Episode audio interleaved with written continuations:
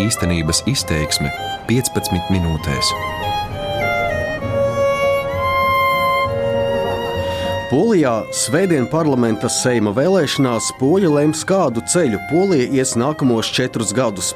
Iepriekšējos pie varas bijusi Nacionāla konservatīvā partija Likums un taisnīgums. Ekonomika augusi labi, sociālo pabalstu programmas ir populāras, bet starptautisko tēlu iedragājuši strīdi ar Briseli par tieslietu sistēmas reformām un migrācijas jautājumiem.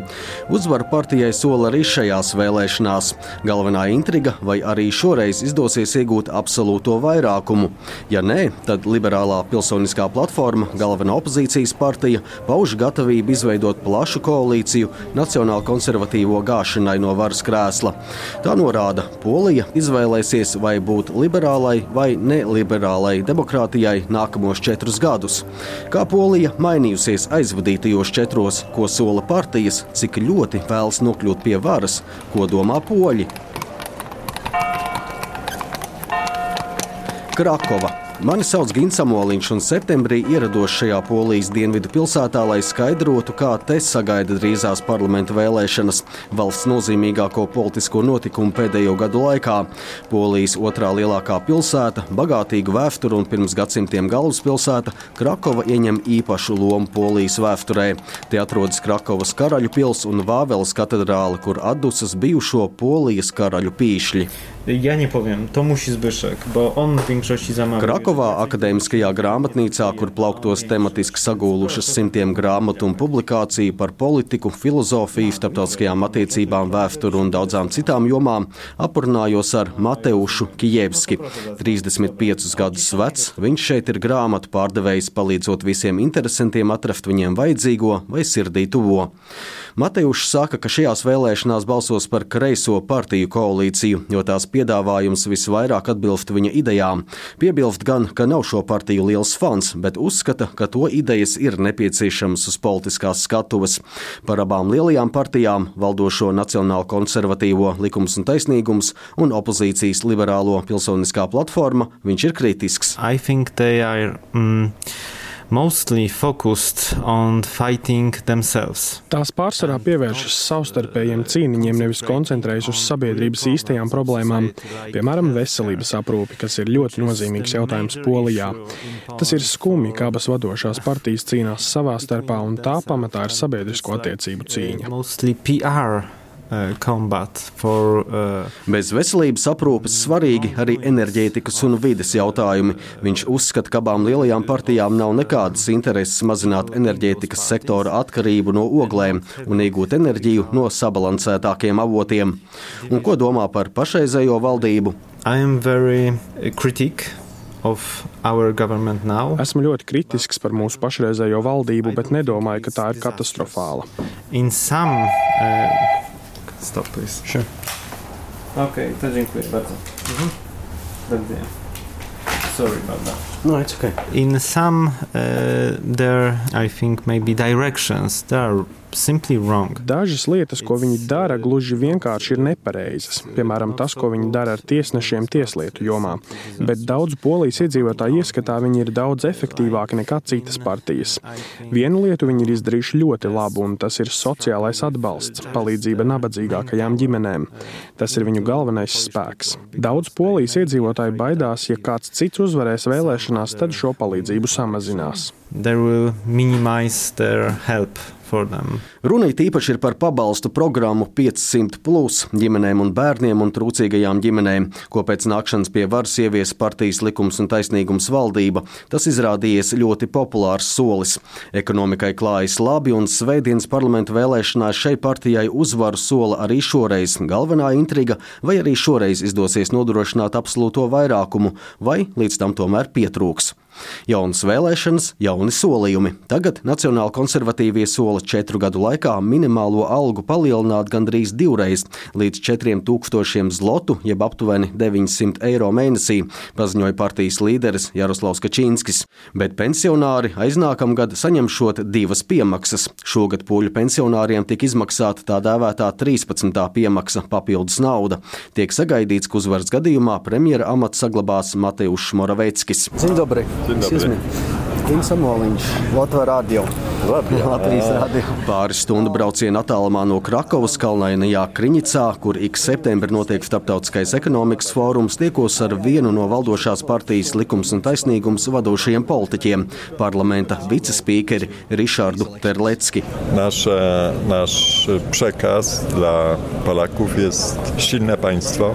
Mūsu vēstījums pilsoņiem ir spēcīga nācija, droša valsts un vienlīdzīgas izaugsmas iespējas visiem. Likums un taisnīgums uzvarēja arī māja Eiropas parlamenta vēlēšanās, bet Terleckis ir vīlies par to, ka kopumā Eiropas Savienībā labējiem spēkiem neklājās tik labi, kā bija cerējis. Jautāju, kāpēc cilvēki balso par viņa partiju. Because it's only this party uh, think about uh, Mēs esam vienīgā partija, kas domā par polijas interešu aizstāvēšanu. Pārējās nedomā. Yes.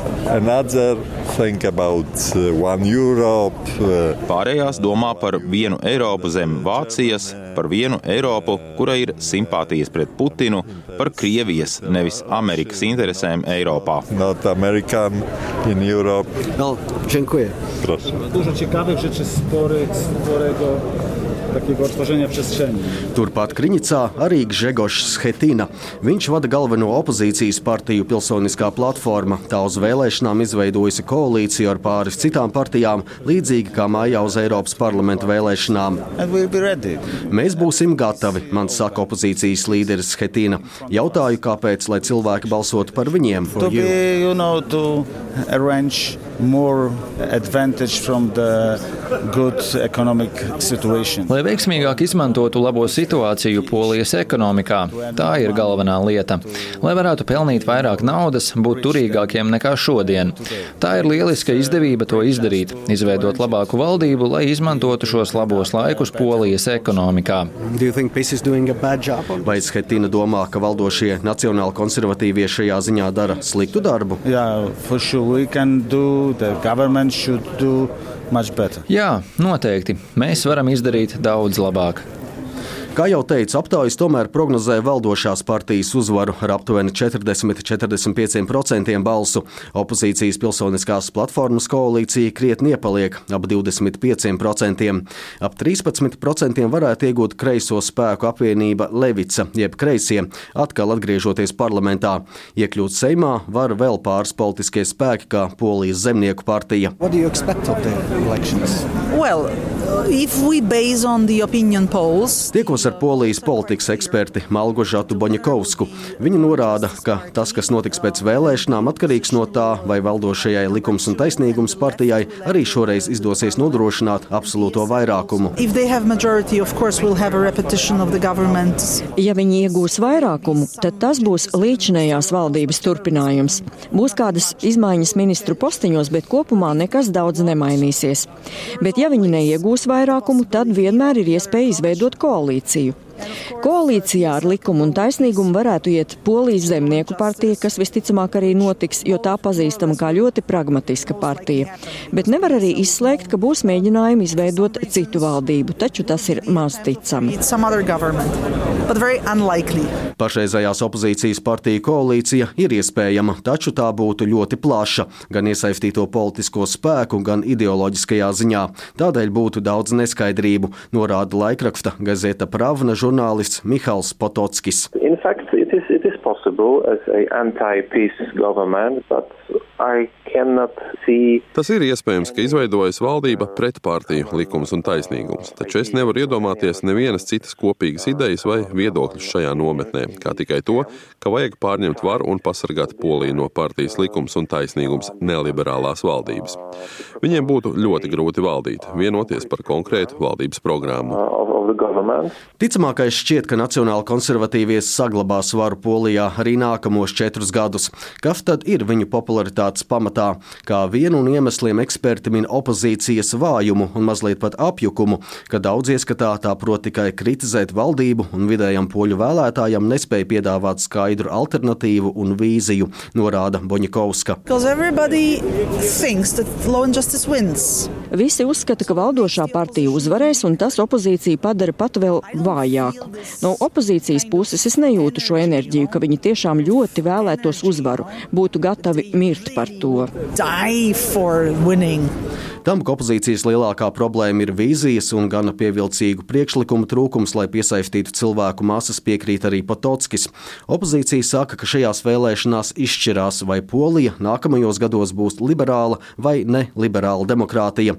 Un Patotskis piekrīt, ka Polija aizvadītajos četros ir mainījusies attiecībā uz rietumu demokrātijas pārvaldības modeli.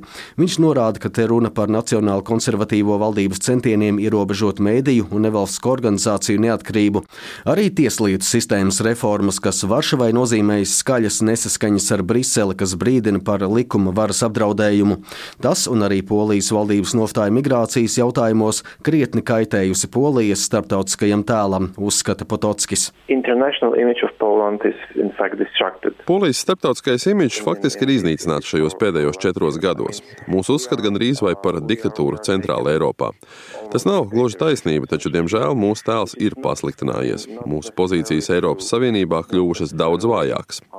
No otras puses, mūsu attiecības ar Savienotajām valstīm ir ļoti stipras un bijušas daudz veiksmīgākas programmas, īpaši militārajā jomā. Mūsu attiecības ar Lietuvu ir kļuvušas daudz labākas. Partijas likums un taisnīgums valdība daudz labāk nekā iepriekšējās saprot reģionālās politikas svarīgumu. Tomēr iekšpolitiski ir svarīgi, ka ekonomikai klājas labi, ir ieviesti jauni sociāli pabalsti un valdošā partija tiešām, ko solīja pirms iepriekšējām vēlēšanām, to arī izdarīja, norāda Boņikovska. So like not, them, Viss, kas bija partijas programmā, vai tev patīk vai nē, bet ja par viņiem nobalsot, balsoja, viņi to arī izpildīja. Viņi apsolīja A, B un C, un viņi arī izpildīja A, B un C. Cilvēkiem tas patīk. Viņi saka, beidzot ir politiķi, kas ne tikai runā, bet arī dara. Valdības popularitāti neko diži nav grāvuši arī dažādi skandāli. Well Viņiem ir ļoti sekmīga un labi organizēta propagandas mašinērija, televīzija, prese. Un Polijā ir daudz cilvēku, kuri skatās tikai sabiedrisko televīziju un lasa un izmanto tikai konkrētus medijus. Pasaules skatījums, ko viņi dabū, ir valdošās partijas veiksmes stāsts. Viņi visu redz no šīs partijas perspektīvas. Protams, ne visi atbalsta valdošo partiju, bet viņiem tad ir citi mediji. Un šīs grupas viena ar otru īsti nekrustojas. Tie, kas skatās sabiedrisko televīziju, neskatās TVN un otrādi. Līdz ar to sabiedrībai tiek sniegti divi dažādi vēstījumi, divas dažādas vīzijas par realitāti. Sašķeltība, polarizācija un konflikts, kas Polijā novērojams kopš esošās valdības nākšanas pie varas, nekur nav pazudis. To nav mainījusi arī Gdaņskas mēra Pāvela Adamoviča slepkavība šī gada sākumā. Toreiz kāds vīrietis, 53 gadus veco politiķi, sadūra vairākas reizes uz skatuves labdarības koncerta laikā visu acu priekšā. Adamovičs nomira slimnīcā. Pazīstams ar liberāliem uzskatiem un valdošās partijas likums un taisnīgums as kritiķis. Slepkava turpat uz skatuves izkliedza saukļus pret opozīcijā esošo liberālo partiju pilsoniskā platforma. Notikušais šokēja Poliju. Bija diskusijas par nokaitēto un bieži naidīgo iekšpolitisko atmosfēru, ka vajag piezemēt retoriku. Tomēr nekas daudz nav mainījies, vērtē Pototskis. Tie paši cilvēki, kas saka, ka mums vajag nomierināties, jau nākamajā dienā sāk naida kampaņas pret saviem oponentiem. Sašķeltība ar katru gadu drīzāk aug. Es neteiktu, ka tas ir kaut kas neparasts, ja paskatāmies uz Ungāriju, Savienotajām valstīm, apvienoto karalisti un daudzās citās valstīs pieaugoša sašķeltība ir dabiska parādība politikā. Polijā tas ir arī tāpēc, ka esam vēlēšanu maratonu vidū.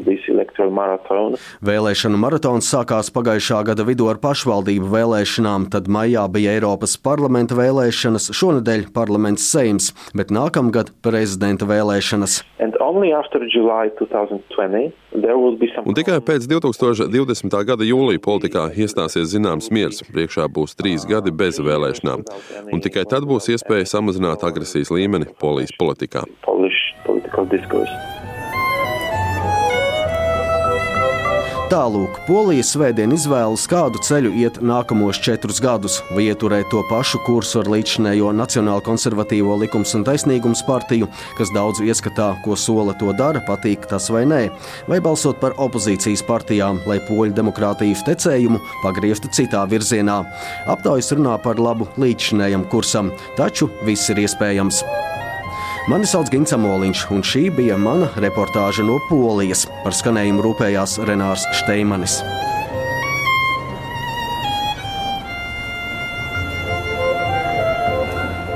Īstenības izteiksme 15 minūtēs.